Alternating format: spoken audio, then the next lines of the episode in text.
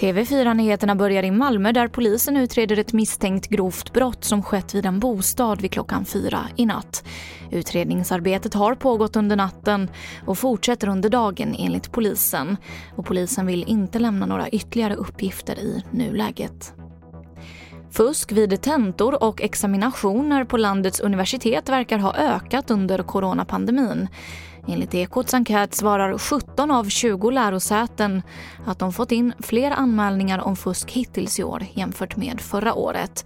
Och anledningen tros vara att det är fler hemtentor än salstentor under pandemin. Så till USA där covid-19 fortsätter att härja och drabba landet hårt.